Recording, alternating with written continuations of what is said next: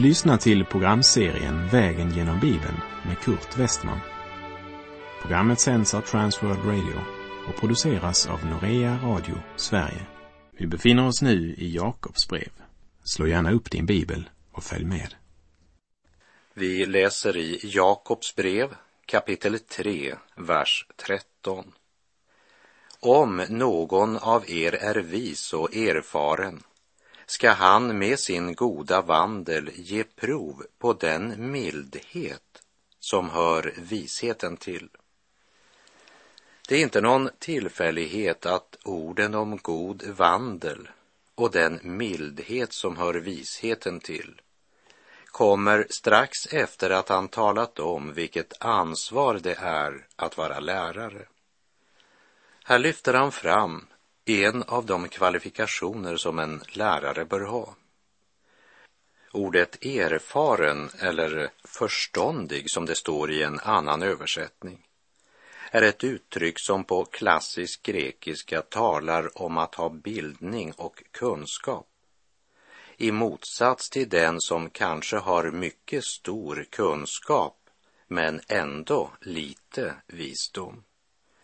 Det vill säga, kunskapen får du på biblioteket. Visdomen vinnes genom personlig erfarenhet som gör kunskapen till något mera än en teori. Jakob säger inte om någon av er är vis. Då visar det sig genom att han vinner en diskussion. Nej, det visar sig genom god vandel, där han i vardagens alla konfliktsituationer visar den mildhet som hör visheten till det vill säga inte undfallenhet, men inte heller aggression, utan den mildhet som är både mildhet och samtidigt överbevisning kan vägleda en broder eller syster i tron. Denna visdom och mildhet har sina rötter i Guds sanning, som vi ser av vers 14. Men bär ni på bitter avund och stridslystnad i ert hjärta ska ni inte skryta och tala emot sanningen. Avund, stridslystnad och skryt är i alla fall inte trons frukter. Och vi ska ha klart för oss att det fortfarande är troende han talar om. Han pekar på kontrasten mellan en vis lärjunge och en dåraktig. Den dåraktiges kunskap skapar diskussioner och debatter. Jakobs brev kapitel 3, vers 15 och 16.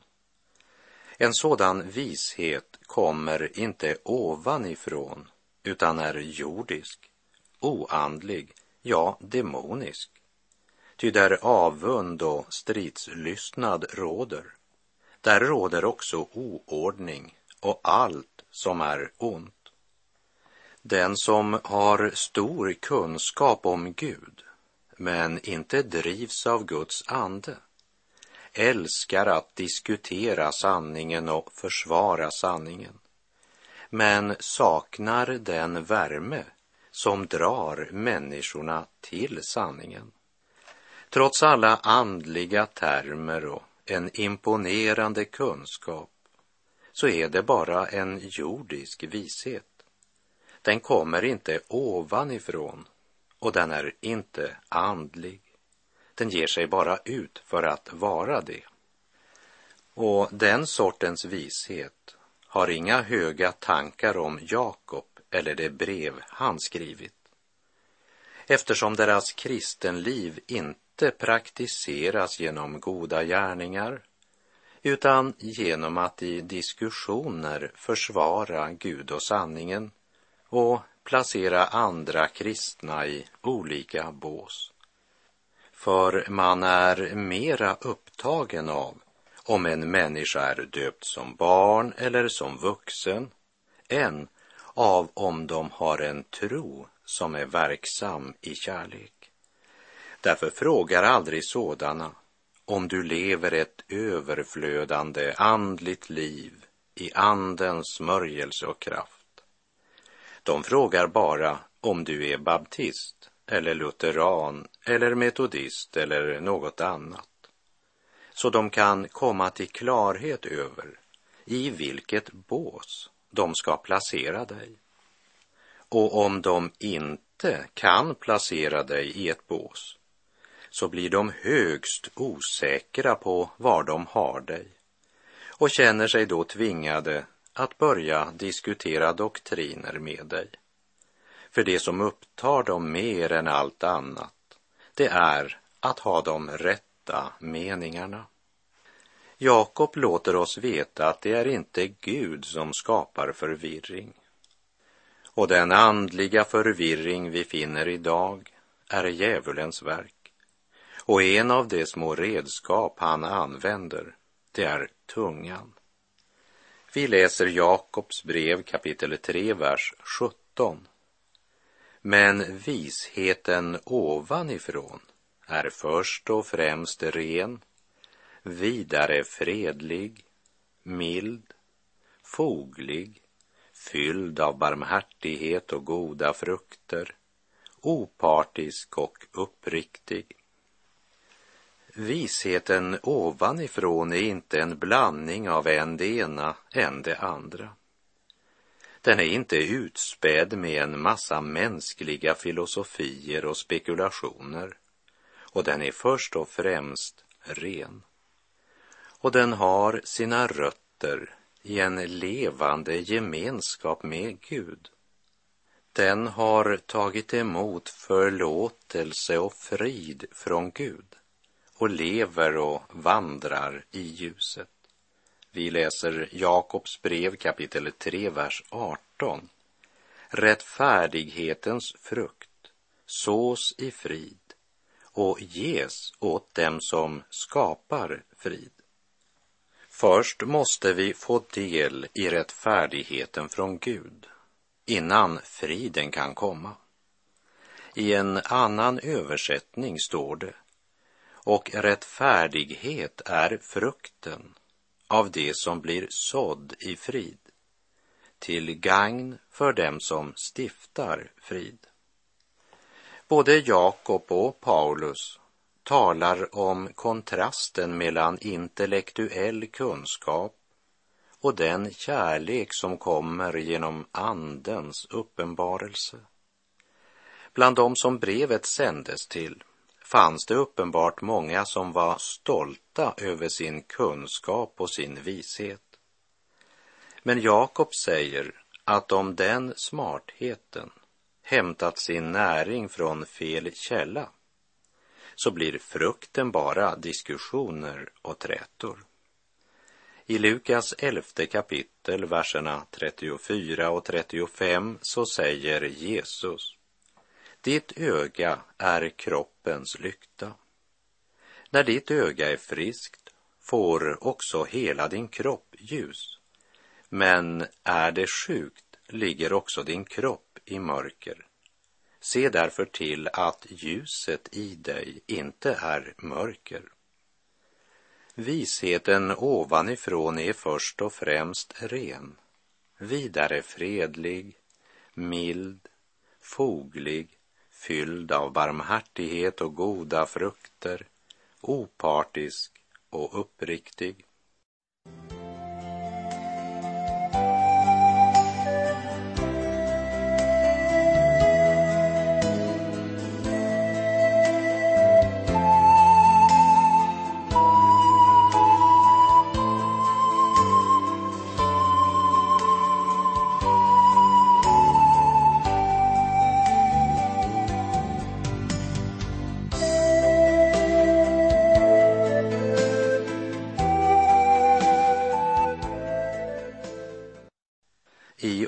Kapitel 4 så kommer vi till ett nytt avsnitt i Jakobs brev där han talar om vårt förhållande till världen, hur vi ska bekämpa djävulen och vad som är livets centrum. Först av allt svarar han på frågan, vad är världslighet?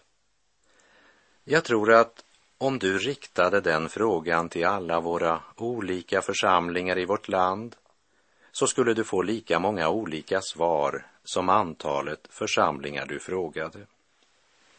Någon skulle säga att världslighet är en slags underhållning eller tidsfördriv som du engagerar dig i. Vilken film du ser, om du dansar, om du röker, om du dricker. Det är vad de skulle kalla världslighet. Men då måste jag säga, Jakob är inte enig med dig. Andra skulle säga att det har att göra med vem du umgås med de du håller samman med. Trots allt, säger man, lika barn leka bäst. Och om du umgås med sådana som sysslar med sånt, ja, då är du världslig. Beklagar, men jag måste säga dig att om du ger det svaret i Jakobs gymnasium får du inte godkänt. Andra åter säger att världslighet handlar om hur du talar ditt sätt att uttrycka dig. Du måste lära dig att säga pris ske Gud och halleluja på rätt ställe. För världslighet, det är att vara engagerad i världsliga samtal. Än en gång måste jag säga, Jakob svarar underkänt. Andra säger att världslighet har att göra med hur du klär dig. Om du menar det så ska jag berätta en nyhet. Du är kuggad. Andra säger att världslig, det är en person som är så upptagen av affärer och av att tjäna pengar att han inte hinner delta i församlingens arbete. Inte heller det svaret godkänner Jakob. Andra säger att den person som inte går till gudstjänsterna utan spelar golf eller fiskar eller är ute med båten eller ser fotbollsmatchen på tv. Det är en världslig människa. Men inget av det vi här nämnt godkänns som svar, för det är inte det som är världslighet. Det mesta som vi här har nämnt är kötsliga synder. Vi kan säga att det är symptomerna. Men det är inte symptomerna man dör av.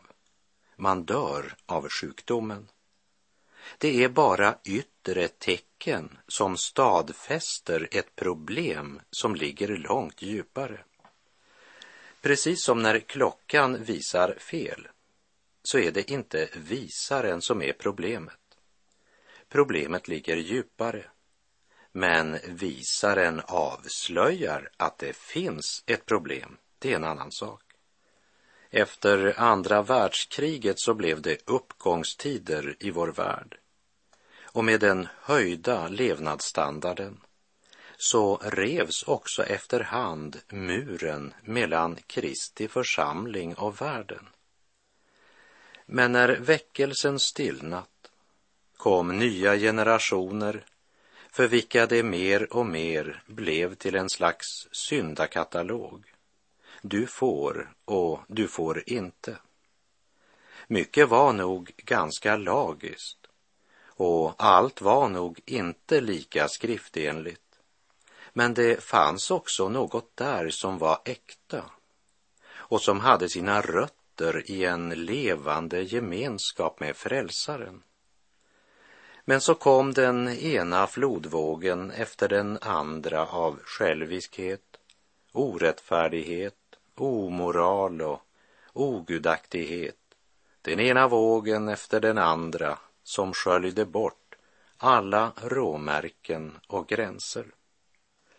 Allt blev en flytande grå massa. Och var och en skulle själv bestämma vad som var rätt för honom. Det blev som det står i Domarboken 17, vers 6. På den tiden fanns det ingen kung i Israel. Var och en gjorde vad han själv ansåg vara rätt. Det handlar om en tid där Herrens bud och stadgar inte längre var den avgörande normen. Nej, det var en tid då var och en gjorde och handlade efter vad han själv kände för.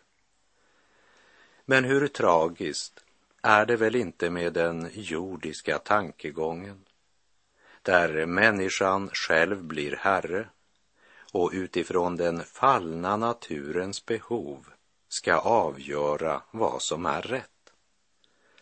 Där man bara lyder Gud så länge som man menar sig kunna förstå hans befallningar. Och har Gud befallt något som jag inte förstår, ja, då kan jag ju inte bry mig om det. Det börjar med religiöst avfall. Därefter följer som en konsekvens det moraliska förfallet och det hela slutar med politisk anarki. Avfallet börjar i Guds hus. Därefter läggs nationens moral i grus. Och du får som resultat ett laglöst samhälle där var och en gör vad han anser vara rätt. Allt detta yttre vi ser, det är bara symptomen men det är sannerligen inte lätt att ge något svar på frågan vad är världslighet? Världslighet har sin rot i syndafallets skada. Vi vet att en rot kan skjuta skott. Så är det också med syndens rot. Det är skotten som blir synliga. Trädets frukter blir synliga, men roten ser man inte. Ändå är det därifrån allt kommer. Det hjälper inte att plocka ner frukten och gömma den. Det hjälper inte heller att hugga bort grenarna. Roten skjuter nya skott och det är bara Gud som vet var roten sitter. Därför är det bara han som kan uppenbara för var och en av oss var roten sitter i vårt liv. Gud måste få rycka upp roten. Sven Reichman uttryckte det så här. Det finns inga grenar som överlever när roten försvinner. Men roten kan överleva hur många grenar du än tar bort. Någon har sagt att världen är ett stort underbart hav på vilket de flesta lider skeppsbrott i stilla och vackert väder medan däremot stormens och nödens vilda vågor jagar många in i frälsarens famn. Någon frågade Modu, om jag vill bli ett Guds barn, Måste jag då lämna världen? O nej, svarade Modu. Om du avger ett klart ljudande vittnesbörd om den korsfäste och uppståndne Jesus så ska världen mycket snart lämna dig.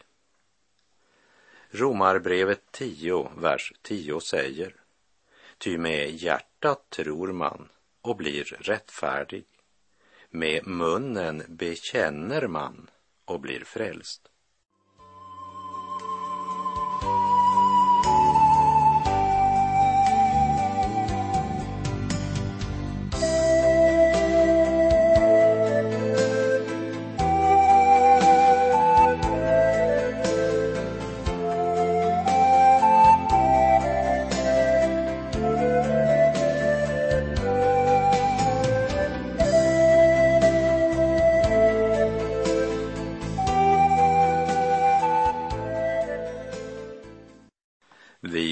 Läser Jakobs brev kapitel 4, vers 1.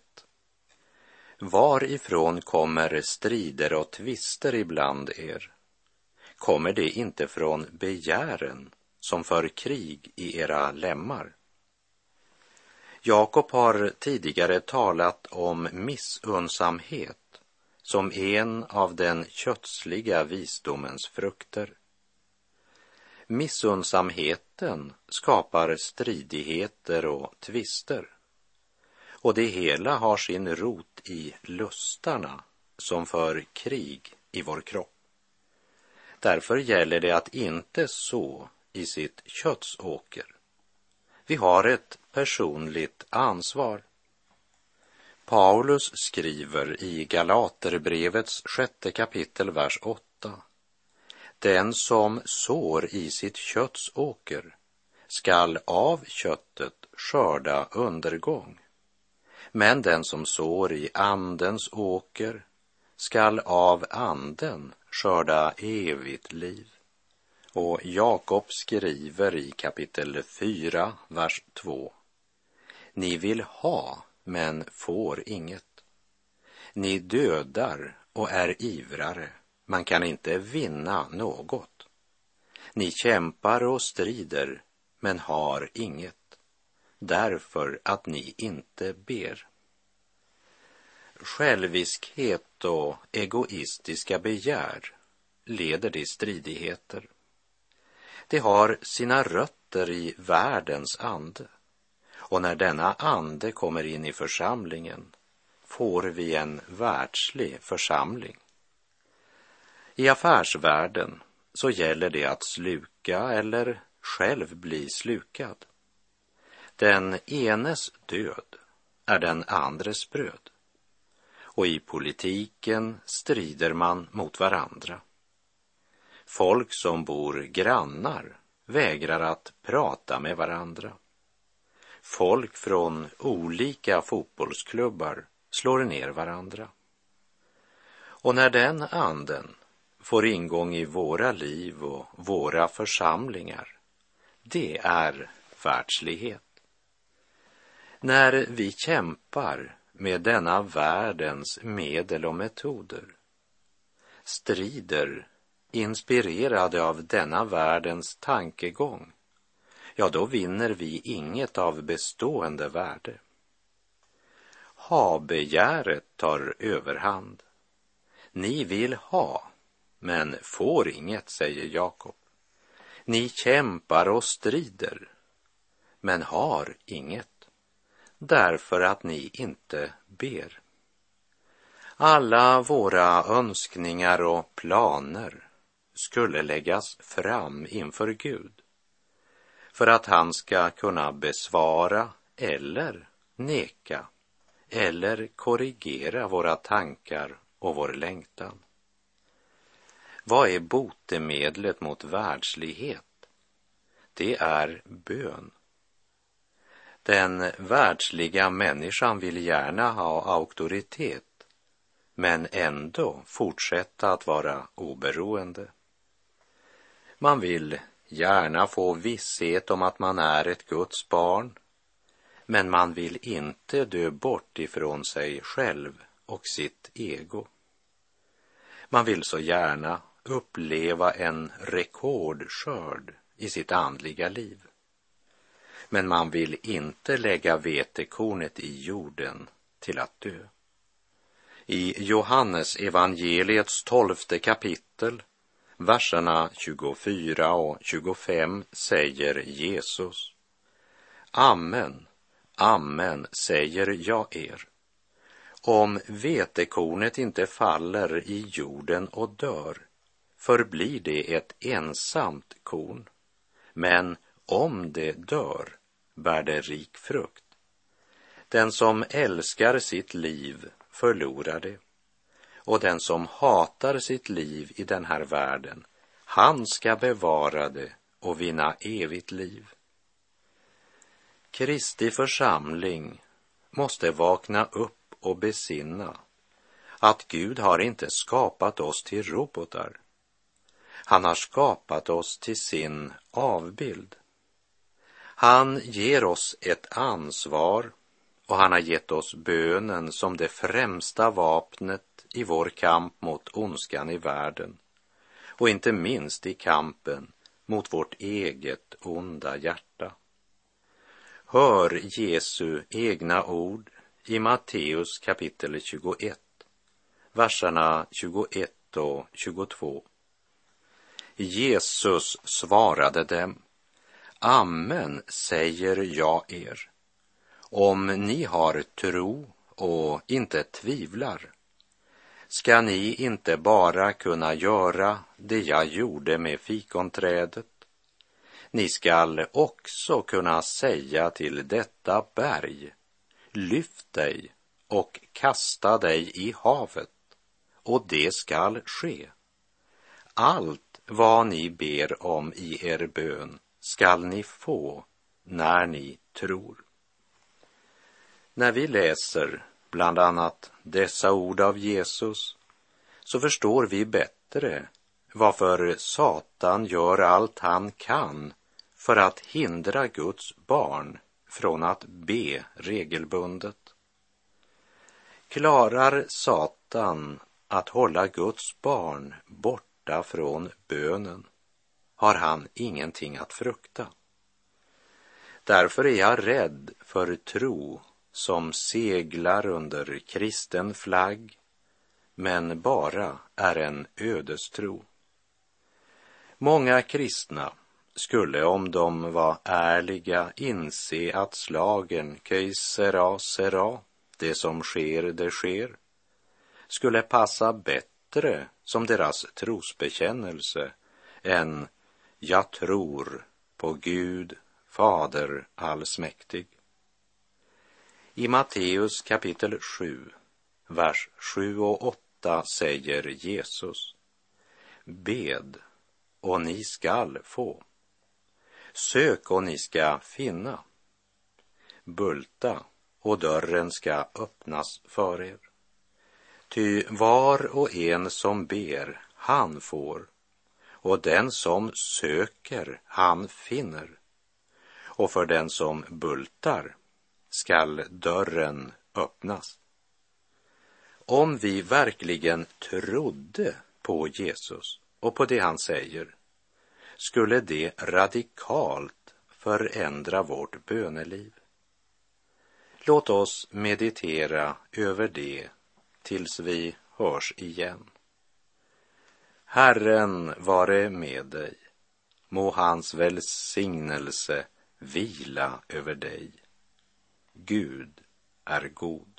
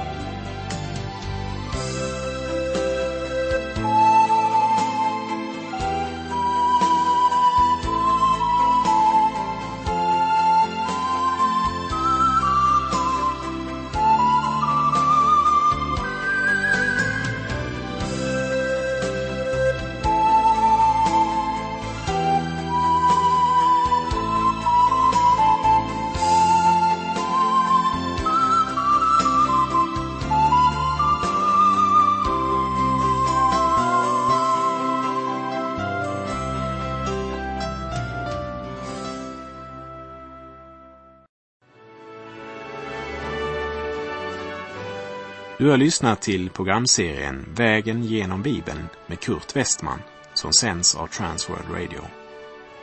Programserien är producerad av Norea Radio Sverige. Om du önskar mer information om vårt radiomissionsarbete så skriv till Norea Radio Sverige, box 3419 103 68 Stockholm. Adressen är alltså Norea Radio Sverige box 3419. Postnumret 10368 Stockholm.